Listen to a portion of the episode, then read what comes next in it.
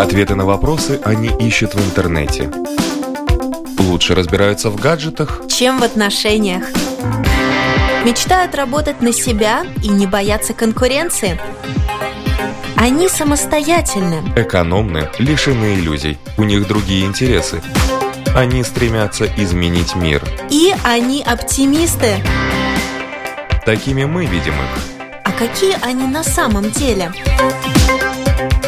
Поколение Z. На латвийском радио 4.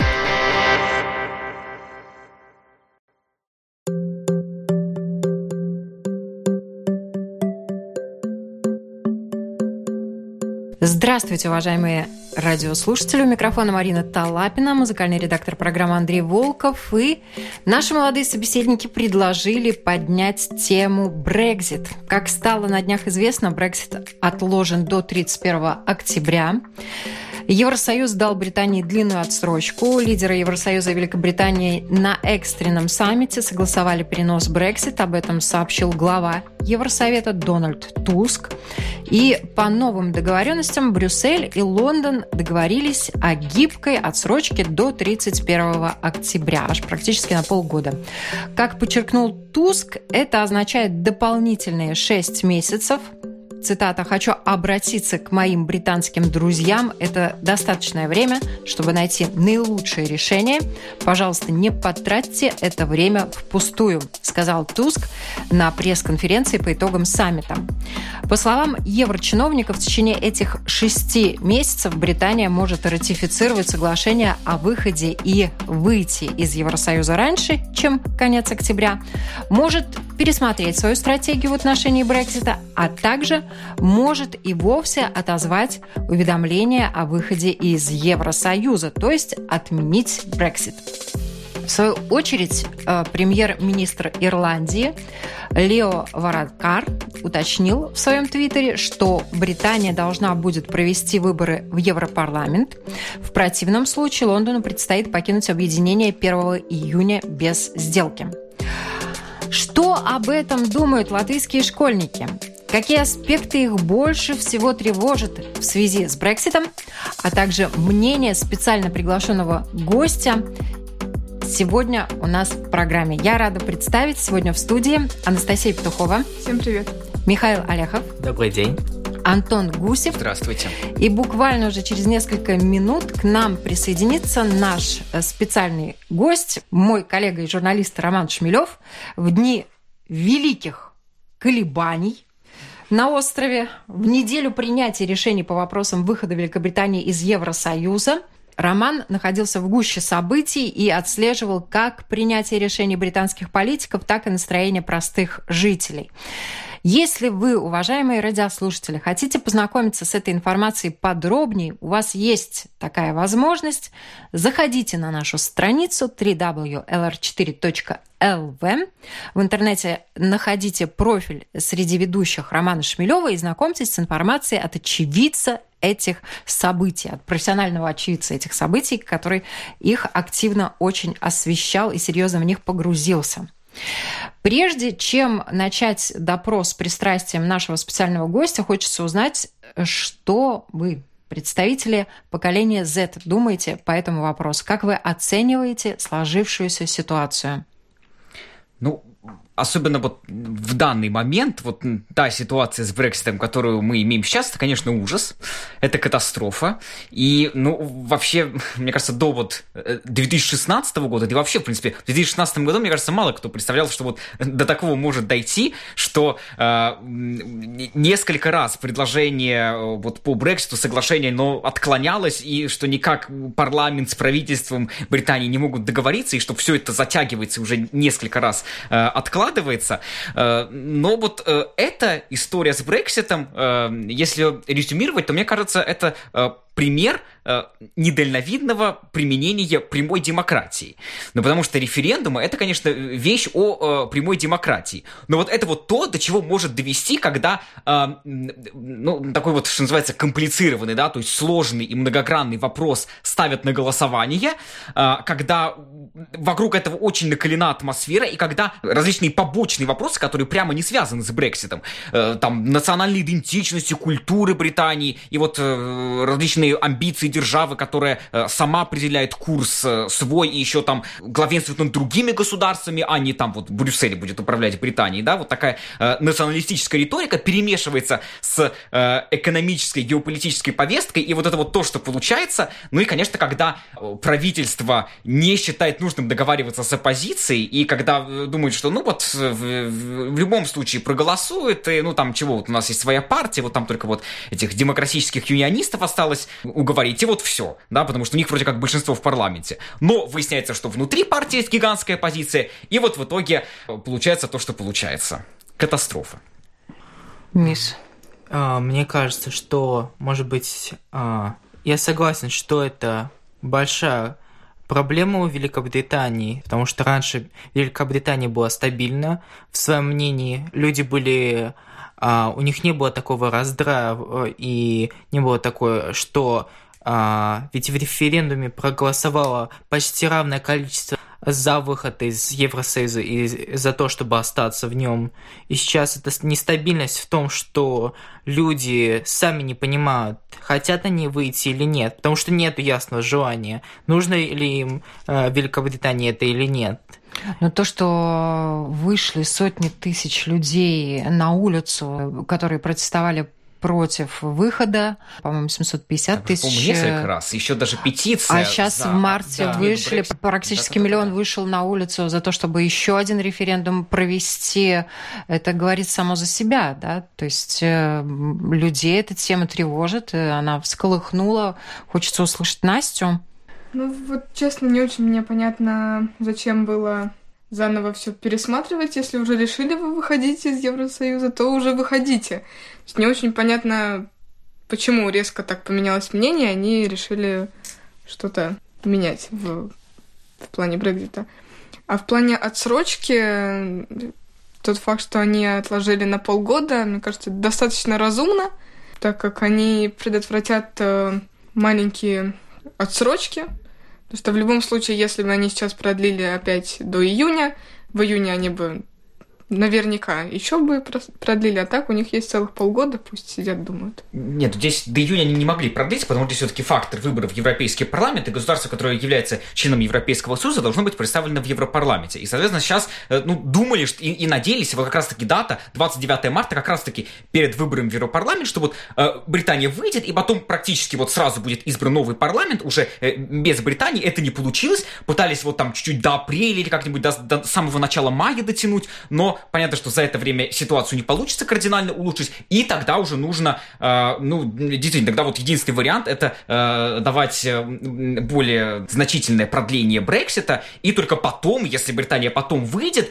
э, и, и, соответственно, ее депутаты уже э, будут, ну, удалены из э, Европарламента это понятно, почему вот э, такие протесты и почему столько людей выходит, потому что, ну вот даже цифры говорят о том, что э, в Британии рекордно низкое одобрение действий э, правительства по, э, в переговорах по Брекситу. Всего 11%, это вот исследование ОРБ International, э, считают, что только 11% считают, что британское правительство хорошо ведет переговоры и все делает правильно. То есть ну, в странах есть показатели гораздо выше, то есть там 40%, э, даже э, за 40% считают, что все хорошо, некоторые Некоторые э, даже считают, что нужно было еще жестче поступать с Великобританией, некоторые, что наоборот, мягче. Таким образом, Мэй пыталась набрать политические очки, э, не желая э, разговаривать с оппозицией. В принципе, Евросоюз действительно чувствует достаточно спокойно. Он э, передал э, мяч на сторону Великобритании и ждет, как же она отреагирует. У них достаточно много было телодвижений до марта и Терезу Мэй пытались в отставку сместить, и в то же время вотом доверия ей оказали. Там много очень таких интересных вещей происходит в политической жизни. Но вот если вернуться на землю, как этот вопрос задел простого жителя? У нас э, у всех есть близкие люди, которые живут в Великобритании, которые перебрались туда, которые возвращаться не собираются, которые там уже укоренились, у них есть работа, они там рожают детей и так далее. Вот как они вам комментировали эту ситуацию? Какие реплики, может быть, от них э, слышны по поводу Брексита?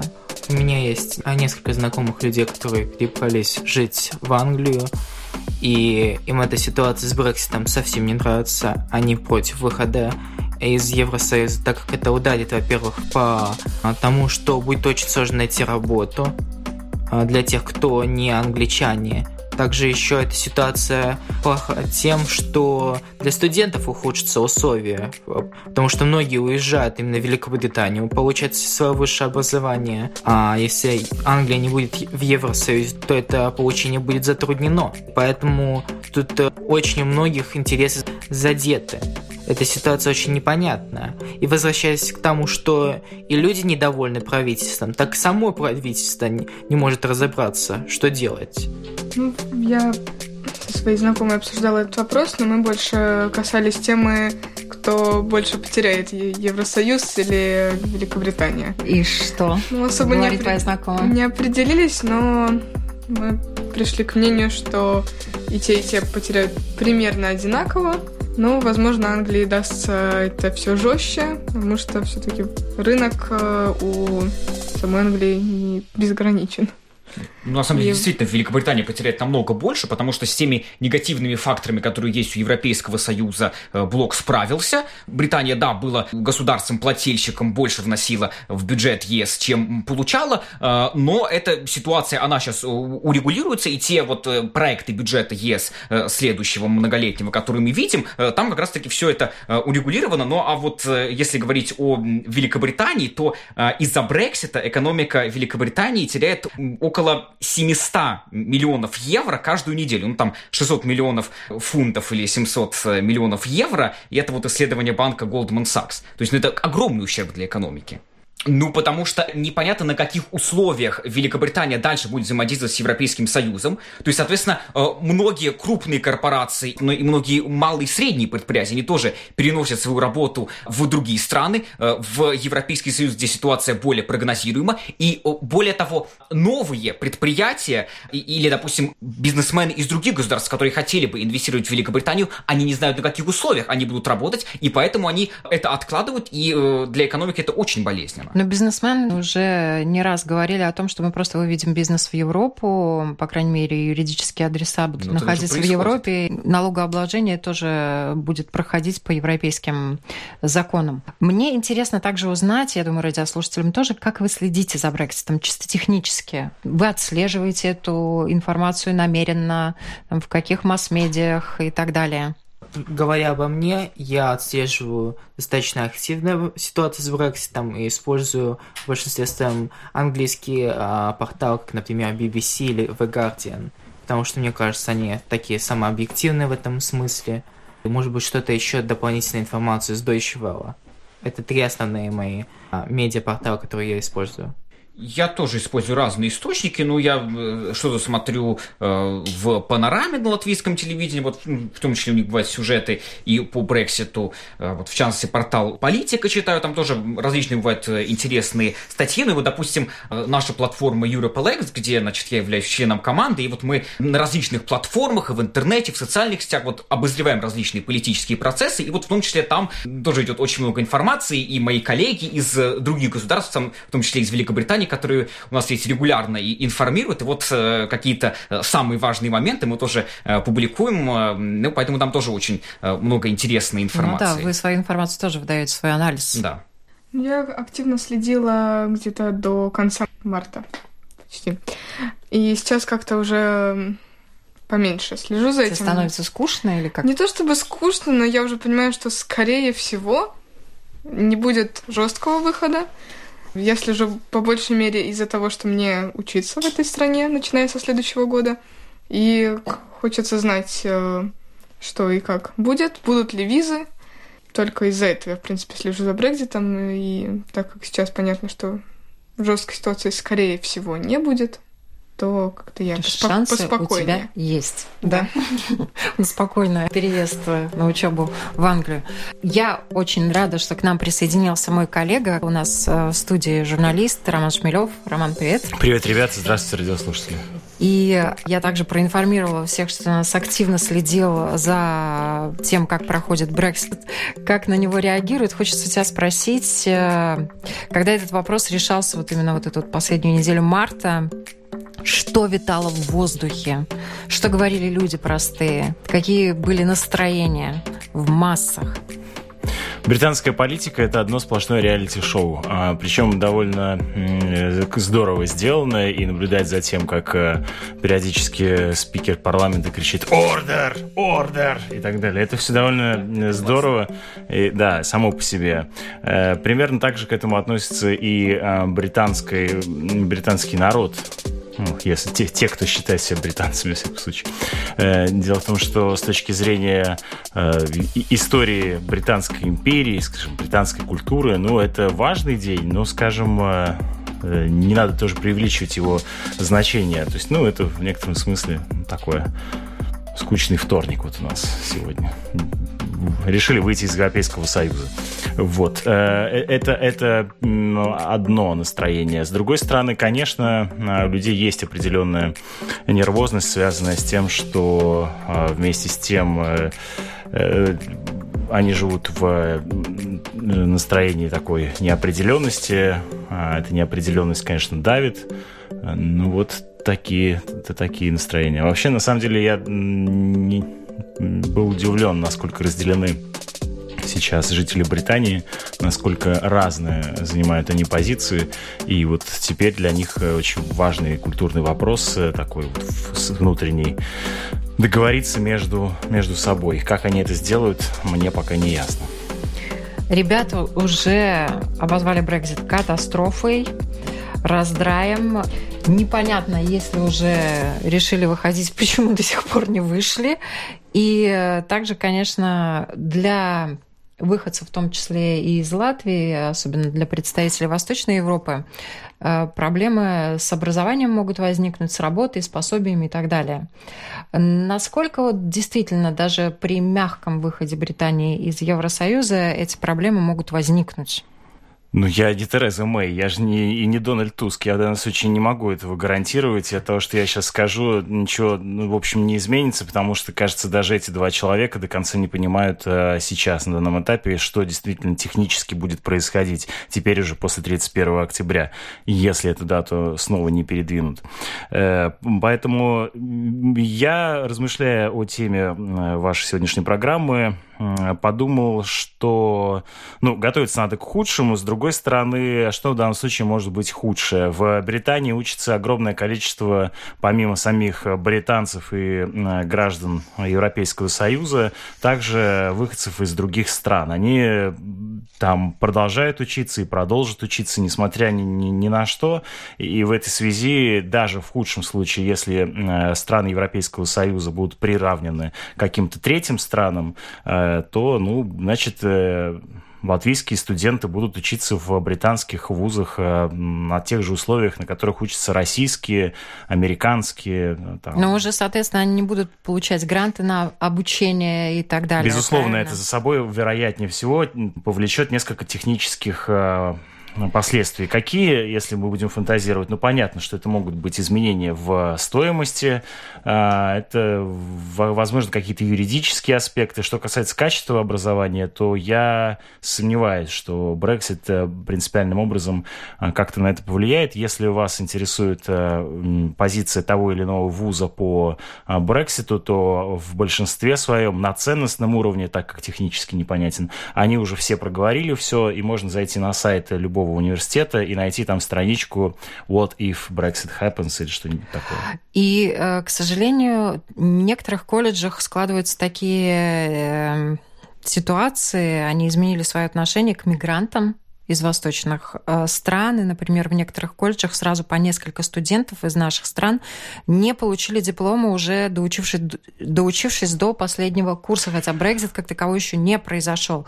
И это касается в первую очередь именно мигрантов, которые не просто приехали на учебу, а которые приехали туда с семьями, там закончили школу и потом пошли в колледжи, да, которые это, собираются оставаться. Но эта история скорее не про высшее образование, это история про получение среднего образования. И что касается среднего образования, там действительно а, в буквальном смысле мне рассказывали люди о том, что да, вот это вот напряжение и а, в, особенно в регионах, где а, в основном в провинции, да, люди, голосовавшие за Брексит, они, в общем, соответствующим образом выражают свою позицию по отношению к мигрантам и в, в школах, ведь на самом деле это те же учителя, как мы понимаем, там, да, врачи там, ну, и так да. далее, и так далее, которые голосовали за выход из Европейского Союза. Так как в Британии сохраняется вот это деление на школы, которые пытаются вот сохранять и быть такими более британско-белыми. Нет, нет, даже дело не в консервативности, а эта консервативность выражается... Ну, то есть консервативность в данном случае можно понимать как некий,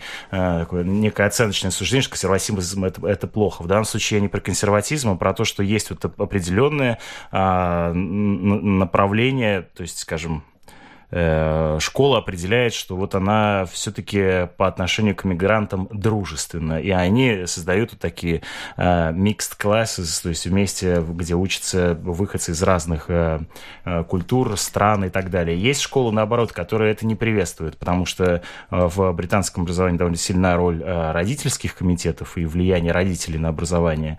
Поэтому вот на это надо обращать внимание. Это выражается вот именно в таких вот ну, тем не менее, вот мне рассказывали одну историю. Преподаватели непосредственно в колледжах, они тоже разбиваются на два лагеря. Один э, лагерь учителей, которые стали предъявлять более жесткие требования к студентам, завышенные, может быть, даже э, как у нас иногда говорят, заваливают учеников да, при сдаче экзаменов или каких-то таких отчетных работ, а другие начали, наоборот, думать и помогать, как юридически отстоять права э, этих ребят, которые нормально учатся, чтобы к ним не было предвзятого отношения.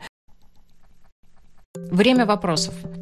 Наш коллега, участник многих дискуссий, Кирилл Гончаров, хотел, э, но, к сожалению, не смог сегодня присутствовать в студии. Я хочу задать пару вопросов, которые он подготовил. Будут ли представители Соединенного Королевства в Европарламенте, если Брекзит произойдет после выборов? Это мне вопросы все? Да. Твое мнение. Э, тут, нет, конечно, он, он, сейчас, он сейчас открытый вопрос. Уже, да. Э, да нет, как раз-таки все очевидно. Вот, пожалуйста, юноша вам ответит. Ну да, нет, ну мы об этом уже говорили, что да, сейчас... но это вопрос такой, он висит в воздухе. Великобритания будет в них участвовать или нет? Ну, выборы Европарламента в Великобритании будут. Потому что если они их не организуют, то они вот э, там 20 6-7 мая, когда там вот последний день этих выборов, ну, тогда они уже автоматически Вот выйдут. опять, понимаете, если они их не организуют, то они автоматически жестко ну, выбывают. Правильно? Да. Правильно. То есть выборы или будут, или не будут, и Британия при этом автоматом вылетает. Ну, с Брекситом надо вообще, да, иметь в виду, что здесь каждый день, вот э, несмотря на то, сколько времени проходит э, в разбирательствах и там подготовке выхода, тут все может измениться в любой момент, поэтому это, знаете, как в этом плохом анекдоте с блондинкой. Либо встреча динозавра, либо не встреча, 50 на 50. Ну, то есть, ну да, либо выйдут, либо не выйдут. Каждый ну, день да. ситуация может измениться. Еще один вопрос от Кирилла. Брекзит – раскол общества. Может ли конечный выход из Евросоюза сподвигнуть Шотландию на борьбу за независимость, как известно? Это самый э, проевропейский регион Соединенного Королевства. И также Северная Ирландия, граница. Вот какие там настроения, тем более, что да Это очень хороший вопрос, да, именно поэтому я туда и отправился. Я начну с, с конца, потому что первый вопрос, который он задал про раскол общества, это вопрос глобальный и вот... Э, Раскол общества есть, действительно, мы об этом уже говорили. Да.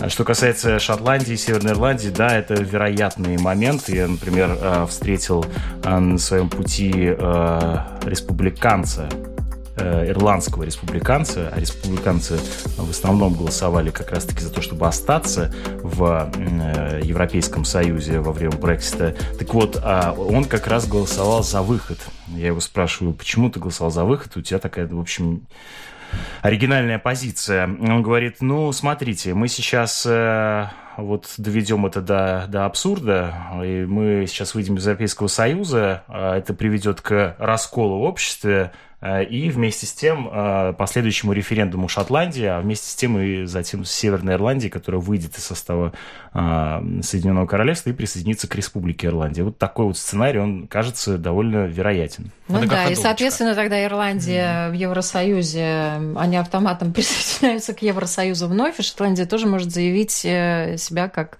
члена отдельного, правильно, Евросоюза. Ну, мы это уже тоже проходили, вот когда они голосовали, еще какой-то был 14 14-15 год, э, за, за некоторое время до э, референдума по Брекситу. Шотландия же все-таки не вышла из состава Соединенного Королевства. Да, именно, по той, именно по той причине, именно по той причине, что выйдя из Соединенного Королевства, они оказывались бы в таком подвешенном состоянии неопределенности и каким образом и вступать в, в Европейский Союз, с какого бока, да, было непонятно. Именно поэтому они остались. Так что, ну, неизвестно.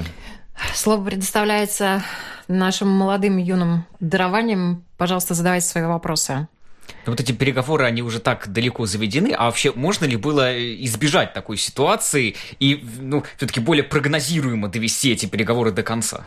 Очень хороший вопрос. Э, опять вопрос к Терезе Мэй и внутренней политике. Я думаю, что э, нет, потому что слишком э, они политики в британском парламенте сейчас э, заботятся о Э, своем образе, а не непосредственно о создании вот этого технического механизма выхода из Европейского Союза. Все-таки, э, ну, несмотря на то, что, да, я заявил, если в масштабах э, британской истории это важный момент, то, может быть, не самый там поворотный, да, но, безусловно, это исторический момент. И каким образом кто как проголосует, я думаю, что для них очень важно сохранить это лицо. Именно поэтому они продолжают давить, вот как бы уж до некоторого такого упрямства, да, какие-то решения, которые не проходят, там, три раза выносить на голосование те сделки, которые не поддерживаются и так далее, и так далее. Поэтому я боюсь, что нет, нельзя было, видимо, сделать это проще. Все-таки англичане, ну, как проще, проще. Ну да, как-то не по, ну, и по-английски молча у них тоже не, не, не получается уйти. Миш, а, вообще такой вопрос есть. Реально ли вообще а, так, а, такая ситуация, что приостанавливается Брексит и все-таки Англия остается в Евросоюзе? Технически уже, когда до такой стадии заведен этот процесс? Ну давайте поразмышляем. Ну смотрите, 52% против 40, 48%. Ну, как, ну, как, 50-50 как, как вы практически. Думаете, да? То есть, э, ну, ты сам что думаешь по этому поводу? Ну, что ну, ну, как вы и сказали, 50-50. Что может быть и так, и так каждый день меняется ситуация. Ну да, мне тоже кажется, что есть вероятность того, что они не выйдут, э, но э, вот давайте вернемся к началу, да, в, в предыдущего вопроса про раскол в обществе. Ведь тут же все-таки раскол, он э, ну, ценностный происходит, э, и э, к чему он дальше может привести, вот, вот, вот вопрос, как они смогут договориться. То есть, и даже если, хорошо, Брексит не состоялся, например, ну, может быть, нам в Латвии, да, покажется, что это хорошая новость. Э, с другой стороны, внутри Британии что дальше изменится? Каким образом там выйдут люди на улицы, не выйдут? Будут они протестовать против этого? Будут они считать себя предателями, э, предателями власть, которая не осуществила Брексит, э, как того, как этого обещала? Э, вот не знаю, это вот э, вопрос для такого философского, культурологического исследования. Опять же, Тереза Мэй объявила, что если Британия выйдет, если Брекзит состоится, то она уйдет в отставку. Нет, в смысле, она в любом случае, когда, то есть, Но она заявила о том, что нет, она заявила о том, что она уйдет в отставку, да, да, как только она э, решит вопрос Брексита. Но, знаете, э, вот мы говорим... Если решит вопрос. Э, если, да. Именно если ну, видите, мы говорим Тереза Мэй. Именно там, если вот Брексит состоится, да. Технические всякие она вещи. не уйдет. Вот э, мне кажется, что тут в программе в нашей, особенно в таком составе, очень интересно было бы как раз э, э, вот это измерение прощупать Брексита, которое там тоже есть, э, вопрос отцов и детей. Ведь если смотреть вот оппозиции вот этих страт общества, которые голосовали за или против Брексита, то там помимо географического, там, какого-то социального, уровня образования и так далее. Там же, очевидно, еще таким выпуклым вопросом стоит, что голосовали-то за выход в основном люди старшего поколения, а, а молодые люди в основном придерживаются как раз проевропейских взглядов. Хотя мне это тоже удалось встретить э, молодых людей, которые голосовали или хотели бы проголосовать за выход, им столько же примерно, сколько вам, там 16, 17, 15 лет э, вот в этом диапазоне ничего не имеют права голоса, но они хотели бы выйти. Но это меньшинство, абсолютное меньшинство. Вот э, э, тут вопрос, да, как, как родители определяют будущее своих детей, потому что понятно, что Брексит, э, он будет иметь влияние в ближайшие, там, ну, не знаю, годы, может быть, даже десятилетия. Настя, твой вопрос. А, возможно ли, что Британия откажется принимать участие в выборах в Европарламент? Ну, мы только что обсудили этот вопрос. Может быть, может быть, нет. Но, скорее всего, нет, потому что если она до 31 октября действительно откладывает свой выход, то, ну, это глупо, глупо было бы. Ну, кстати, Мэй не хотела такое длинное, такую длинную отсрочку, ее там чуть ли не заставили. Ну, не совсем. Сначала Мэй, и короткую Мэй, не хотели хотела, давать, Мэй да? хотела до, до, до середины лета, но середина лета все равно захватывает уже этот период европейских выборов, э, после выборов в Европейский парламент, и основным противником э, является э, вот это увеличение отсрочки Эммануэль Макрон, президент президент Франции, который убежден, что, ребята, нам помимо Британии есть о чем разговаривать. У нас вообще тут э, Европа сама может треснуть по швам, а вы все как бы там ну и тоже ну, логично. Да. Но то, что касается Британии, она действительно оказалась в тупике. И тот же Дональд Туск, глава Европейского совета, не исключает, что выход Британии из Евросоюза придется перенести еще раз. Политические намерения, цитаты стран-членов Евросоюза ясны. Мы хотим и надеемся, что Британия примет окончательное решение к октябрю неважно какое, в одну сторону, во вторую сторону, мягкий, там, жесткий Брекзит, э, не выйдет она, но она примет окончательное решение, и что-то вот уже к какому-то логическому завершению эта история э, подойдет. Но как сказал Туск, я слишком старый, чтобы исключать и другой сценарий. Тереза Мэй на своей пресс-конференции по итогам саммита сказала, что постарается в ближайшее время все же добиться одобрения проекта соглашения с ЕС в Палате общины, соответственно, скорого выхода Британии из Евросоюза. И ее цитата «Я продолжаю считать, что мы должны покинуть Евросоюз, приняв соглашение как можно скорее». Но это позиция. Да нет, это мы все да, знаем. Да, это да, мы все да. знаем, да. Хотя, кстати, е... Насколько еще может растянуться принятие такого решения и может ли оно затянуться на десятилетия? Вот у меня такой вопрос. Не, действительно, кажется, ты меня поставил какую-то странную позицию оракула. Не, нет, стоп, я, я, нет, смотрите, я действительно слежу за этой темой подробно, но... Ну, гипотетически, мы сегодня гипотетически рассуждаем. Бессмысленно. Ну, смысленно, да. может и затянуться, а может и не затянуться. Но ну, может есть, затянуться. Вот... Какой вопрос, такой ответ. Может и затянуться, а, а может и не затянуться. А, ну, я же вот... Э, к Евросоюзу, к соединению стран в одно целое шли достаточно долго, и все равно это еще не одно целое, правильно? Э, ну, смотрите, э, мы тут э, играем в политологов э, или пытаемся понять нас с вами? Вообще пытаемся понять, к чему можно подготовиться и где соломку подстелить, особенно ребятам, которые хотят учиться в Англии. О, прекрасно. Так вот, если говорить о том, как подстелить соломку, надо, надо понимать, как принимаются, принимаются решения. Вот этот вот вопрос вы, ребята, помимо того, что следите за Брекситом как да, механизмом, а, который бы обеспечил или как-то воспрепятствовал вашему возможному обучению, получению образования в Британии. Помимо этого, что вот ощущаете вокруг этого процесса происходящего? А, что вот для вас это значит, что тут мы разводимся с Европой? Что, как вы понимаете Европу? Как вы понимаете национальное государство и так далее? Вот вы можете вот рассказать, как, как да? вы понимаете сам по себе конфликт вот этот ценностный, который привел нас к обсуждению того, что, что сказал? Ну, это конфликт между реакционной политикой, конфликт между, ну, таким э, изоляционизмом и протекционизмом и глобализацией. Э, и вот, ну, британцы решили, что сами они лучше смогут э, э, ну, справиться с ситуацией, управлять собой, и что, значит, больше независимости и вот, что называется, взять обратно контроль, да, который был одним из лозунгов, он им в дальнейшем поможет.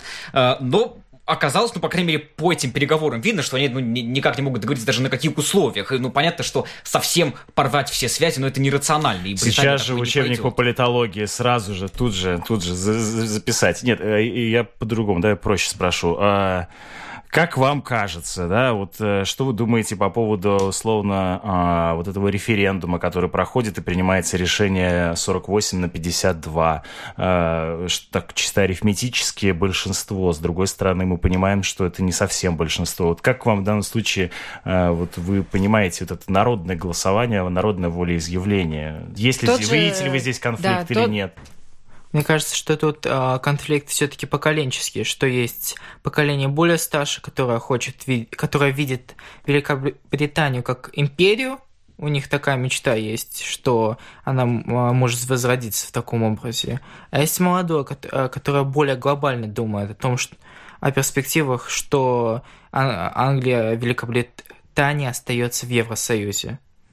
Да, ну смотрите, ведь э, действительно э, мир, как говорится, краят э, да, люди старшего поколения. Это общеизвестный факт, что да, политики это в основном там люди 45-50 плюс, а жить нам с вами, людям там, моложе или вам, да, которые начинают свой путь. Вот хорошо, а как вот что делать с этой ситуацией? Насколько вы готовы принимать решения за свое а, будущее, участвовать в, не знаю, на каком уровне вы видите возможность участия в определении будущего своей страны или, или мира в целом, там, Европы? На каком потребуется? Сегодня, как вы можете не, влиять не, не, на так, этот процесс, так. Вот, который происходит в Британии?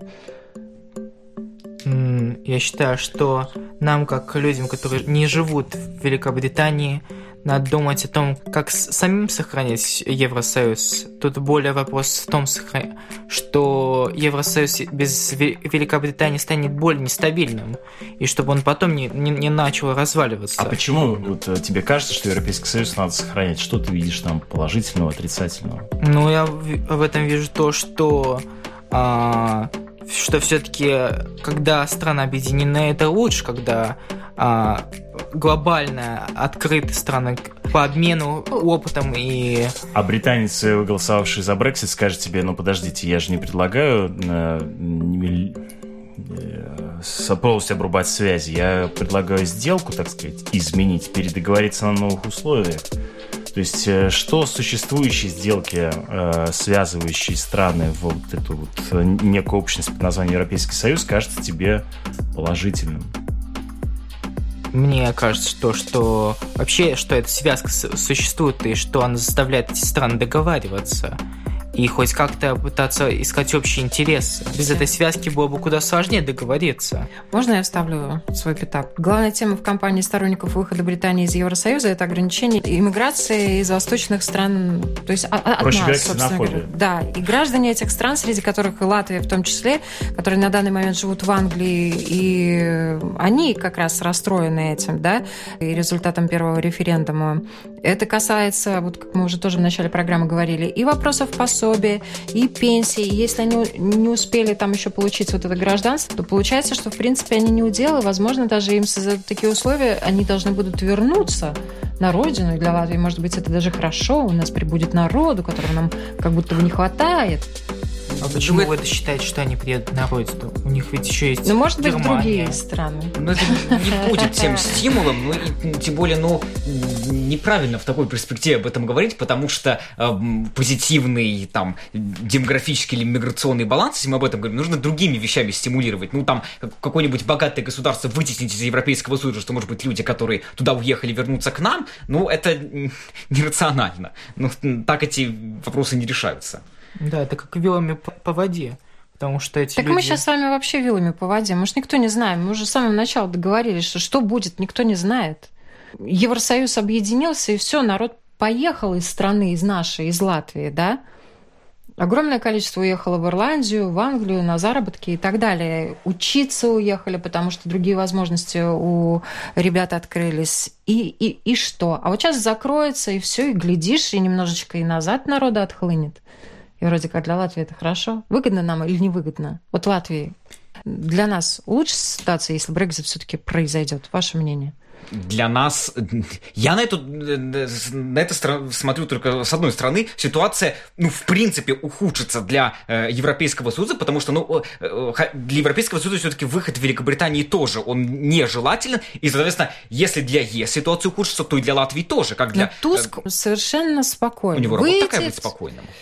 У него ну, работа разные. быть спокойным нет, потому что... Я не согласен, что он спокойный. Он позволяет себе в последнее время очень ну, резкие да. заявления, там, вплоть до оскорблений в отношении британских политиков. Э, говорит о том, что э, специальное место в аду должно быть э, приготовлено для тех, кто начинает процесс выхода из Европейского Союза, не предлагая плана. Ну, мне кажется, что ну, не говорит это о его спокойствии. Наверное, неправильно выразилась. Он дает мяч Англии и говорит, вот, вперед, работаете с этим мячом, что вы нам предложите? Мы готовы принять любое ваше решение. Сейчас да? такая ситуация. Он Сейчас как папа. Мяч на стороне Англии. Да. выгодно ли это Латвии, если Да, будет? выгодно ли это Латвии, да. Если выгодно, зачем? Но я согласен с Антоном, что это не выгодно Латвии, так как Латвия это все-таки часть Евросоюза. И все-таки выход Великобритании, хоть и, может быть, Дональд Туск выглядит спокойно, но это не, это не улучшит ситуацию общую, Таким- а наоборот ухудшит. Ну да, да, таким образом мы не вернем значительное количество людей, и тем более обязанность э, Латвии э, как э, ответственного государства это обеспечить благополучность своих граждан вне зависимости от того, где они находятся. Это То есть- создать условия, да. чтобы они вернулись добровольно. Да, то есть наша цель это как раз таки, ну, цель латвийского государства договориться с э, государством Великобритании о том, чтобы жители обоих государств, вне зависимости от того, где они находятся, э, продолжали жить спокойно, чтобы никаких проблем у них не было. Ну, тут можно, наверное, продолжать спорить и говорить и о том, что те же британские жители и граждане Латвии, которые там еще не получили гражданство, все-таки приезжают, получают здесь медицинское обслуживание. Да. Ну, чем это выльется для Латвии? Главное, наверное, что этот процесс э, затянулся. Вопрос, наверное, насколько он затянулся и э, если эта отсрочка дана, какие выгоды можно получить в течение этой отсрочки для ребят, по крайней мере, тех, которые хотят учиться там в Англии? Без понятия. Они могут туда поехать поступить, правильно? Если они поступят на этих условиях, если Англия еще не вышла из Евросоюза, соответственно, да, раз вы уж поступили, вы у нас и закончите. Я думаю, что и после не, не выгодно. Ну, конечно, могут измениться, правда, условия, но это все технические вещи. Тут же Ну, при образовании вещи, образования... Или ты платишь за образование, или ты получаешь грант. Разница есть? Есть.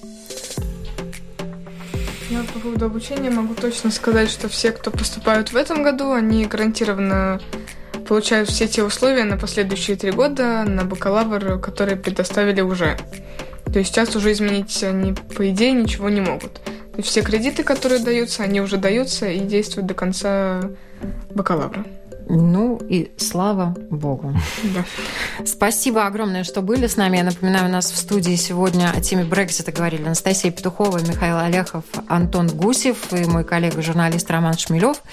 И э, завершить нашу программу хочется выпиской из толкового словаря Брексита, который опубликован на сайте BBC. Я думаю, что все читали.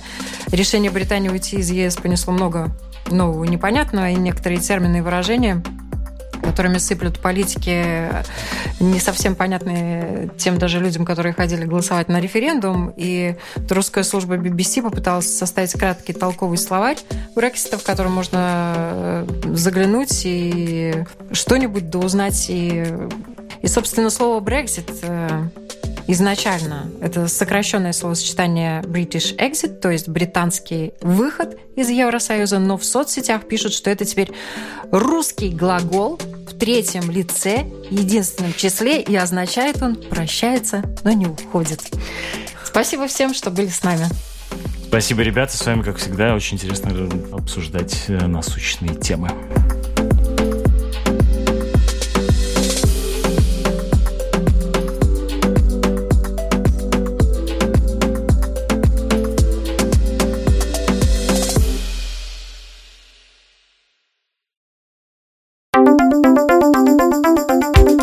Ответы на вопросы они ищут в интернете. Лучше разбираются в гаджетах, Чем в отношениях? Мечтают работать на себя и не бояться конкуренции? Они самостоятельны. экономны, лишены иллюзий. У них другие интересы. Они стремятся изменить мир. И они оптимисты. Такими мы видим их. А какие они на самом деле? Поколение Z. На латвийском радио 4.